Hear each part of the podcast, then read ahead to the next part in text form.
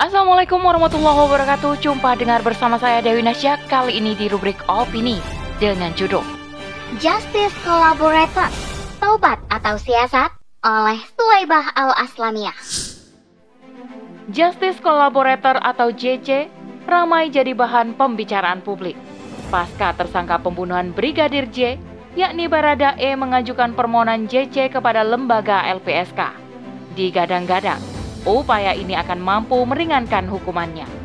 Ibu Pertiwi dikejutkan dengan kasus penembakan polisi. Diduga terjadi baku tembak antar ajudan di kediaman dinas ex Kadif Propam Polri Irjen Verdi Sambo.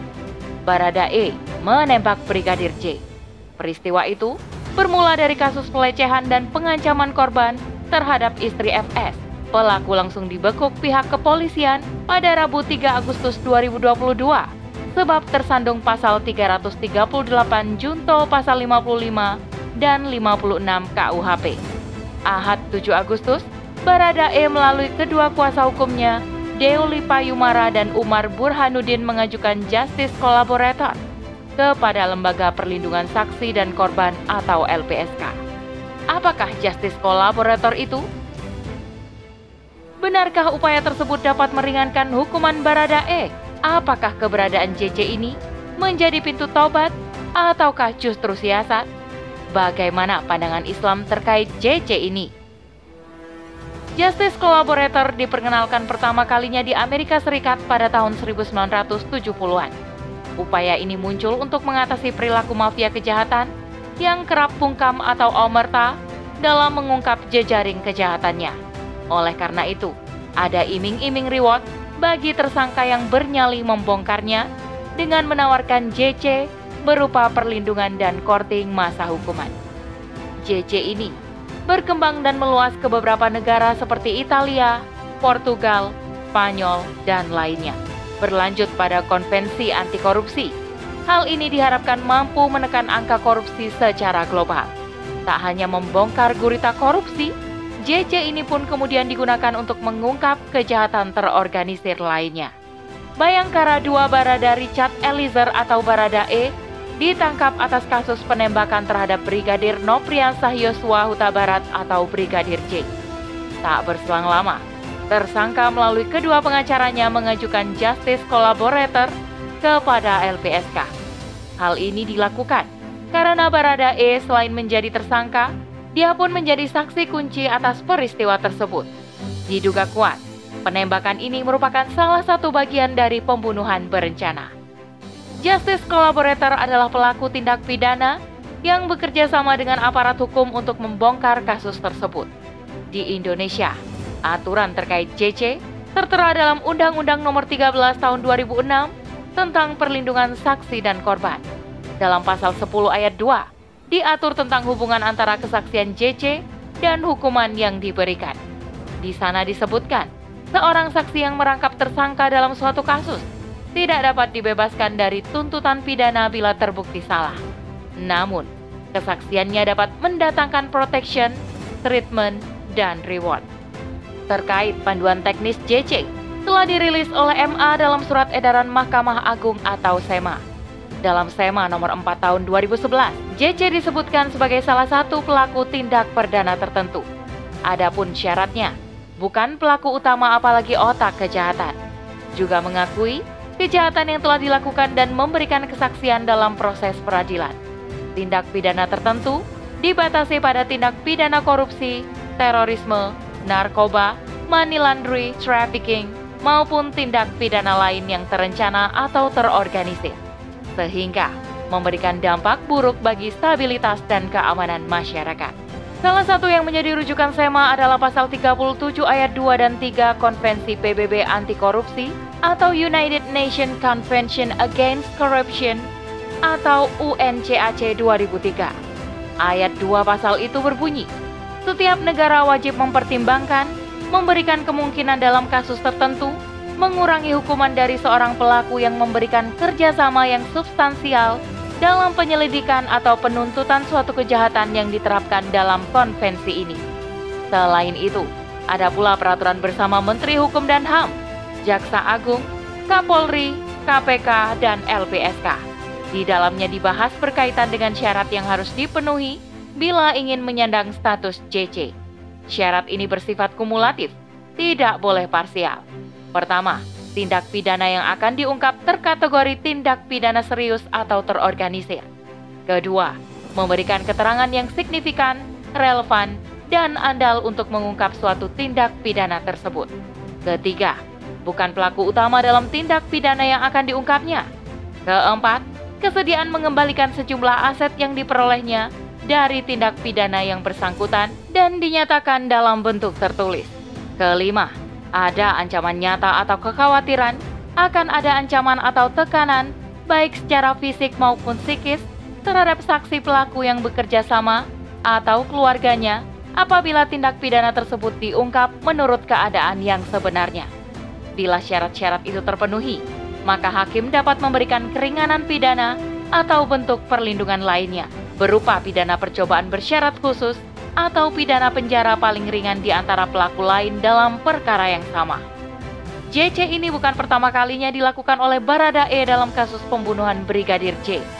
Namun, beberapa tahun silam, publik juga sempat dihebohkan dengan kicauan Nazarudin, sang bendahara umum Partai Demokrat yang menjadi tersangka mega korupsi proyek Hambalang dia menyandang status justice collaborator dan diklaim berhasil menyeret komplotannya. Rewardnya, masa hukumannya dipotong sebanyak 49 bulan alias 4 tahun. Namun, banyak pihak yang menyangsikan mekanisme tersebut, sebab Nazarudin merupakan pelaku utama dan sempat kabur ke luar negeri. Diduga kuat, terjadi penyelewengan di balik mekanisme JC. Sekilas, Model penegakan hukum semacam JC ini bersifat taktis dan menguntungkan banyak pihak. Bagi tersangka, bisa meringankan hukuman, sedangkan bagi pihak kepolisian membantu menguak tabir persekongkolan kejahatan. Namun jangan dulu sumringah, sebab siapa yang bisa menjamin sang tersangka telah bertaubat dan betul-betul menyesali perbuatannya, serta beritikat baik untuk bekerja sama dengan pihak berwajib Alih-alih membeberkan kronologis peristiwa berikut pelaku dengan jujur, tak sedikit yang justru memberikan kesaksian palsu untuk menyeret orang lain untuk tenggelam dalam kubangan yang sama. Namun, sistem demokrasi yang telah lama diadopsi di negeri ini tak peduli. Apa pun motifnya tak jadi soal. Yang penting pelaku lain ikut teringkus juga. Permasalahannya, apakah semua tersangka berpeluang menjadi JC? Tentu saja tidak integritas calon JC diuji terlebih dahulu oleh penegak hukum. Namun, banyak faktor yang mempengaruhi lahirnya keputusan. Layak tidaknya seorang tersangka menyandang status JC. Bisa dari objektivitas sang penegak hukum, namun tak jarang lahir dari politik transaksional ataupun politisasi hukum yang memang telah menargetkan pihak tertentu untuk dijadikan pesakitan. Intinya, banyak orang yang berpandangan bahwa eksistensi JC dimanfaatkan sebagai sarana negosiasi para narapidana agar dapat lolos dari jeratan hukum, khususnya pada kasus korupsi yang telah membelit negeri ini. Demokrasi memang cacat sejak lahir, walau didandani sedemikian rupa, tetap saja tampak abnormalnya. Praktek politik transaksional sudah mewabah ke berbagai lini kehidupan termasuk ranah hukum. Mereka jemawa membuat aturan sendiri namun mereka pula lah yang bernafsu untuk melanggarnya. Hukum di otak-atik demi memenuhi hasrat kepentingan mereka. Ketidakmampuan aparat berwenang untuk membongkar suatu kasus yang melibatkan pejabat kelas kakap atau kapitalis tajir bukan karena ketidakmampuan mereka dalam membongkarnya, namun terjegal oleh titah sang empunya sebagai pemegang sistem demokrasi ini. Ingin hati memeluk gunung, apa daya tangan tak sampai. Jadilah mereka memunculkan mekanisme justice collaborator yang rawan disusupi banyak kepentingan dan dibubuhi ancaman. Seandainya mekanisme hukum ala demokrasi kapitalisme manjur bin jitu, JC tak diperlukan. Namun, bukan demokrasi namanya jika tidak menyelesaikan masalah dengan masalah. Artinya, keberadaan JC menunjukkan secara vulgar lemahnya peradilan dan hukum di negeri penganut demokrasi. Islam hadir di muka bumi ini bukan sebagai pemanis belaka, namun sengaja diturunkan untuk mengatur tata kehidupan manusia agar berjalan tertib, bahagia, dan berkah. Upaya untuk menertibkan kehidupan manusia di antaranya dengan penerapan sistem hukum dan peradilan Islam. Terkait kasus pembunuhan, Islam memiliki pedoman khas yang terbukti bisa menimbulkan efek jerah alias jawazir, sekaligus penebus dosa alias jawabir. Kala seseorang menghilangkan nyawa orang lain, ada tiga hak yang terlibat di dalamnya. Imam Ibnu Al-Qayyim menjelaskan bahwa pembunuhan berhubungan dengan tiga hak. Hak Allah, hak korban, dan hak wali atau keluarga korban. Pertama, hak Allah membunuh seorang muslim termasuk dosa besar yang dimurkai Allah. Terlebih jika dilakukan dengan sengaja apalagi terencana. Firman Allah taala dalam surah An-Nisa ayat 93, Barang siapa yang membunuh seorang mukmin dengan sengaja, maka balasannya ialah jahanam. Ia kekal di dalamnya. Allah murka kepadanya, mengutukinya, serta menyediakan azab yang besar baginya. Rasulullah Shallallahu Alaihi Wasallam juga melarang membunuh orang kafir yang terlindungi darahnya. Beliau bersabda, Barang siapa yang membunuh orang kafir yang memiliki perjanjian atau perlindungan mu'ahad, maka dia tidak akan mencium wangi surga. Sungguh, wangi surga itu tercium sejauh jarak 40 tahun. Hadis riwayat Bukhari. Kaitannya dengan hak Allah akan gugur jika pelaku pembunuhan ini menyesal dan bertobat. Memohon ampun atas dosa besar yang telah dilakukan dan berjanji tidak akan mengulanginya lagi. Kedua hak korban hak ini tidak bisa digugurkan begitu saja tersebab raibnya nyawa korban, sehingga tidak ada jaminan pemaafan dari korban. Oleh karena itu, korban akan menuntut haknya pada pembunuhnya di hari kiamat kelak. Dalam hadis dari Ibnu Mas'ud, Nabi Shallallahu Alaihi Wasallam bersabda, sengketa antar manusia yang pertama kali diputuskan pada hari kiamat adalah masalah darah. Lantas, bagaimana dengan hak korban di akhirat kelak? Imam Ibnu Al-Qayyim memaparkan, Apabila pembunuh menyerahkan dirinya kepada wali korban, dia menyesal dan takut kepada Allah, bertaubat sungguh-sungguh, maka hak Allah menjadi gugur dengan taubat. Hak wali gugur dengan dia menyerahkan diri, berdamai dan memaafkan. Tinggallah hak korban. Allah akan ganti haknya pada hari kiamat dari hambanya yang bertobat dan Allah akan memperbaiki hubungan keduanya. Ketiga, hak wali atau keluarga korban yang menjadi ahli waris. Dalam kasus pembunuhan yang disengaja, wali korban memiliki tiga opsi dalam tuntutan hak, yakni kisos atau nyawa dibayar nyawa, yang bukan berarti wali korban bisa melampiaskan dendamnya dengan membabi buta. Namun, pelaksanaan vonis mati yang hanya bisa dilakukan oleh negara. Firman Allah Subhanahu wa taala, "Wahai orang-orang, diwajibkan atas kamu untuk melaksanakan kisos berkenaan dengan orang-orang yang dibunuh." Quran Surah Al-Baqarah ayat 178. Jika salah satu pihak keluarga korban mau memaafkan, maka pelaku lolos dari hukuman kisos. Namun, bukan berarti lepas tanggung jawab begitu saja. Konsekuensi pemaafan itu yakni membayar diat. Adapun diat dalam kasus pembunuhan ada dua macam, yakni diat mukhafahah atau diat ringan. Diat ini berlaku bagi pembunuhan tidak sengaja atau semi sengaja. Sedangkan diat mughalazoh atau diat berat bagi pembunuhan sengaja atau terorganisir. Dari Abu Hurairah, Rasulullah Shallallahu Alaihi Wasallam bersabda, Barang siapa yang menjadi wali korban pembunuhan, maka ia diberi dua pilihan, memilih diat atau kisah. Besarnya diat mughalazoh, senilai 100 ekor unta, 40 ekor unta di antaranya sedang bunting. Bisa dibayarkan dalam bentuk unta atau uang senilai harga unta sesuai ketentuan di atas.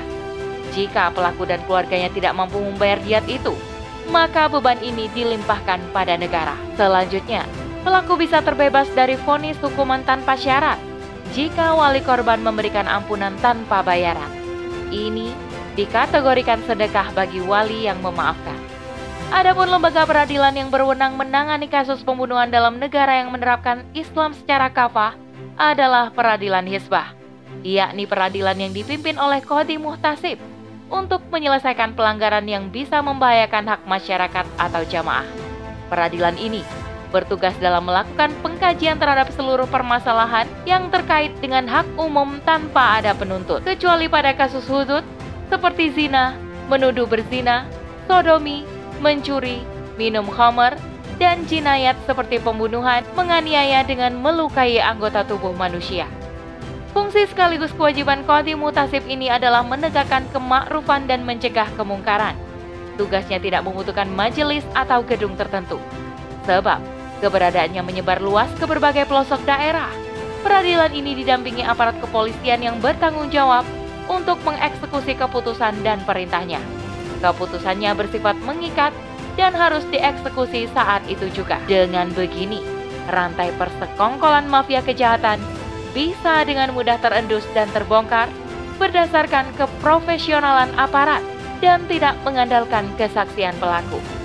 Sungguh, di balik keindahan Islam, tersirat juga ketegasan hukum-hukumnya berikut aparat penegaknya. Hukum Islam dibangun bukan berdasarkan iltizam atau kesepakatan manusia, namun berdasarkan wahyu Allah taala. Keputusan peradilan dalam Islam bersifat mengikat dan tidak bisa dibatalkan oleh siapa pun. Wallahu a'lam bisawab.